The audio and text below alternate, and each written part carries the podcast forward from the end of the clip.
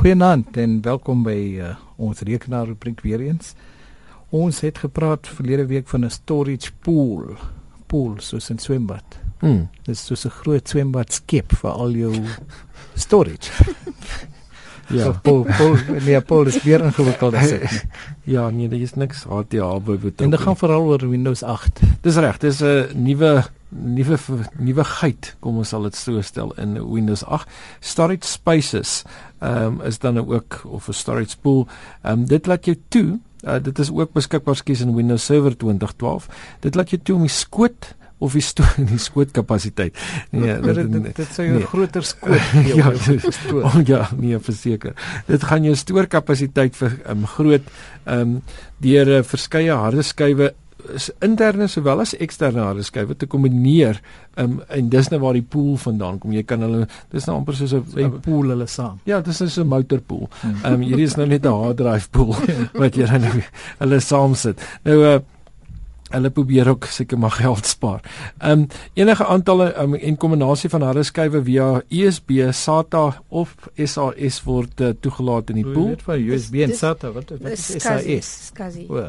Ja. Dis 'n nuwe naam vir SCSI. Nee, is nie 'n nuwe naam vir SCSI nie, dis net uh, dit is ja, dit is serial attached SCSI. Wel, okay, dis SAS. Ehm um, nou ja, uh, dis nie die, hulle sê dis nie dieselfde as RAID nie, vir my voel dit maar baie name en self. Dit was ook waar jy verskillende harde skywe saam kon koppel. Jy kan maar dit het nou meer te, ja. te doen gehad met um, om jy seker te maak jy data bly veilig en so. Ja. Maar kom ons kyk na die verskil is uh die idee is dan om 'n aantal harde skywe te kombineer in 'n virtuele volume. So jy skep basies, jy kan letterlik so jy kan 'n enkel volume skep uit die verskillende harde skywe uit. So jy kan 2 terabyte harde skywe hê um, en, en dan kan jy nou 'n dit 'n enkele volume maak. En um, dis is in die, in hierdie opsigte is dit dieselfde as RAID dat mense dit ook kan mirror so jy kan 'n duplikaat skep van die data. Ehm um, jy kan ook parity byvoeg wat ons natuurlik weet parity word gebruik uh om seker te maak dat die data nie verlore gaan nie. So as daar dalk een van die harde skywe fouteer of ehm um, omval, um, dan is dit moontlik deur parity te gebruik as jy 'n nuwe harde skyf insit dat dit die, die data kan herbou um, en jy so jou inligting terugkry.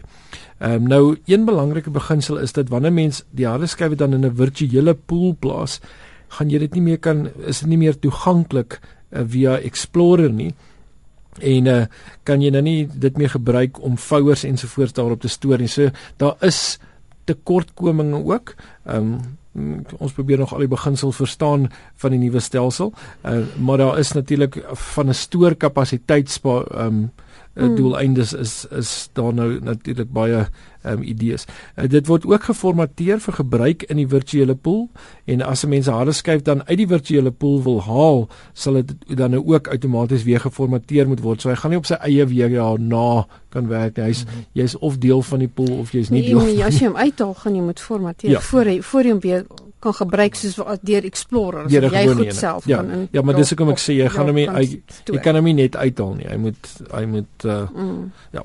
Eh nog 'n aspek um, wat mens in gedagte moet hou is dat indien jy dan 'n USB 2 en USB 3 harde skywe gemeng in die virtuele pool gebruik dan gaan die spoed beperk wees tot USB 2. Dis maar redelik standaard met rekenaars. Nou enigiets as jy 'n nuwe mm. ding insit en daar's 'n ou ding ook dan vat dit die spoed van die ou een, ja.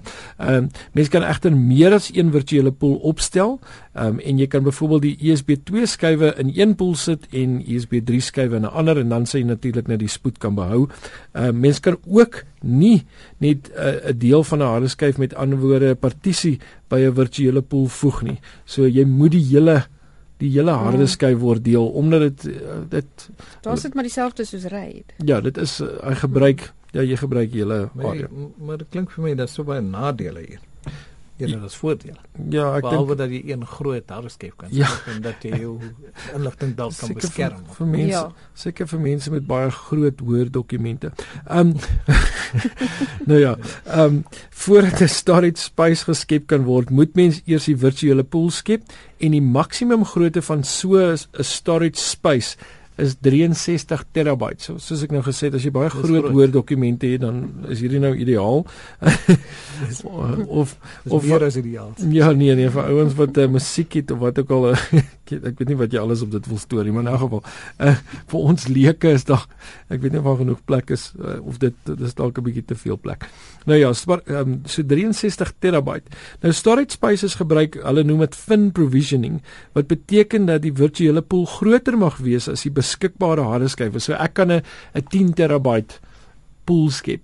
Mm. Maar ek het 2 2 terabyte harde skywe byvoorbeeld in, so ek het 4 terabyte eintlik tot my beskikking, hoewel my pool sê ek het 10 terabyte. Maar wat dan gebeur is wanneer ek by ehm um, my limiet kom met die harde skywe wat ek in my pool het, dan gaan daar gaan Windows my waarskuwing gee en hy gaan vir my sê luister hierso, ehm um, dis tyd vir nog 'n 2 terabyte of is tyd vir nog 'n harde skyf wat jy moet byvoeg. Hmm. Ehm um, jy is besig om uit spasie uit te hardloop.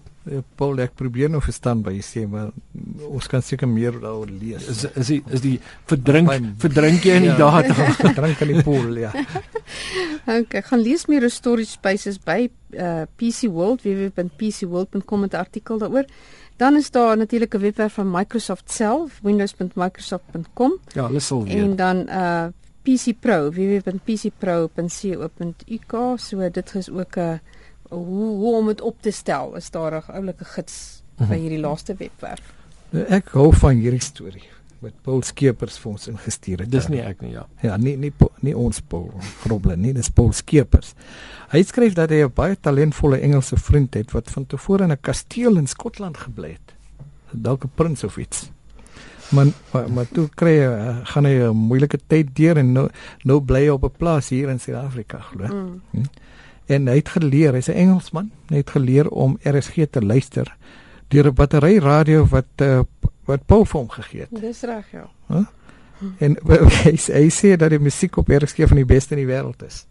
Ja. So en dat hy 2 uur in die oggend opstaan en RSG luister. Ja, is baie interessant. Wel, hy, ons is bly om dit te hoor. Hy vra ook 'n program uh, program skedule en dit kry jy by ons webwerf. Dit kry jy maar by die webwerf moet kry www.rsg.co.za en dan ehm um, sê die vriend ook dat RSG 'n groot verskil maak in sy lewe. So, hmm. dankie vir RSG. Ek sou dink as hy van 'n kasteel tot 'n plaas geskuif het. Maar in elk geval hy hy's hy's 'n goeie luisteraar sê. Jan Mostert het vir ons geskryf oor netwerkkabels. Dis reg, ja. Hy sê hy het begin om die RJ45, die uh, koppeling te, te koppel aan netwerkkabels. Hy sê wanneer hy toetser gebruik, merk hy dat al die kleure tussen die punte nie ooreenstem nie. Maar wanneer hy die netwerkkabel sy rekenaar sy router koppel, dan werk dit 100%. Nou ja, dit daar is sekere standaarde waar volgens mense hierdie netwerkkabels moet uh kleure wat volgens vir die kleure gee hoe jy dit moet koppel. Um maar die ding is jy kan dit gaan dit kan ook werk al, al koppel dit nie volgens die standaard nie. Um maar die probleem wat jy met dit is um daar kan 'n probleem weerstand wees of geraas wees op die lyn. Um want elke paar is wat ons noem 'n gebalanseerde transmissielyn wat diferensiële seine gebruik om die geraas uit te kanselleer. So as jy dit nie heeltemal reg koppel nie, beteken dit jy kan wel 'n probleem gaan kry met um jy kan selfs kry dat dit nie gaan werk nie, maar um soms werk dit wel. Hmm. Ehm um, die ding is net dit gaan nie die geraas op die lyn vir jou kan verminder nie. So ehm um, dan moet net om in gedagte te hou ook daar's 'n sulle verskil wees in die kabel wat jy maak as jy wat as jy in die ou tyd ons praat van 'n crossover kabel. Hmm. Daar's 'n verskil tussen die hoe jy 'n crossover kabel gaan maak en hoe jy 'n uh, een een wat maak wat ja. in jou router gaan koppel. Hmm. So ehm um, gaan kyk dan gerus maar ehm um, by ehm um, superuser.com waar daar vrae gevra word en die vraag wat hulle vra is what's wrong with my custom LAN cable? Nou ja, dit is uh, wit groen groen wit blou nee, wit groen wit oranje oranje wit groen blou wit blou groen wit bruin bruin. Daar so is die kleure vir jou. Ja, dit is mooi hier. Paul, ek moes dit ek moes dit te veel keer opgeset. nou ja, het ons nog tyd vir vinnig vinnig tyd vir kortpad sleutels in Windows 8 terwyl almal nou gewoond raak aan dit. Ja, Windows sleutel plus C maak vir jou charms oop, Windows sleutel plus H die sharing, Windows sleutel plus K maak devices oop, Windows sleutel plus P as jy 'n tweede skerm wil gebruik. Ek wil net sê daar is baie woorde hierso wat ek nog nie van gehoor het nie. Ja. ja. So ek sou moet gaan kyk. Nou ja, ons wil weet eh, wat is SECE SECE. Uh, ons gesels volgende week daaroor. Hierdie is 'n nuwe ding. Wat is SECE? Ons gesels volgende week daaroor. Tot dan van Verkeeras Paul Grobler en Adie van Rensburg. Goeienaand.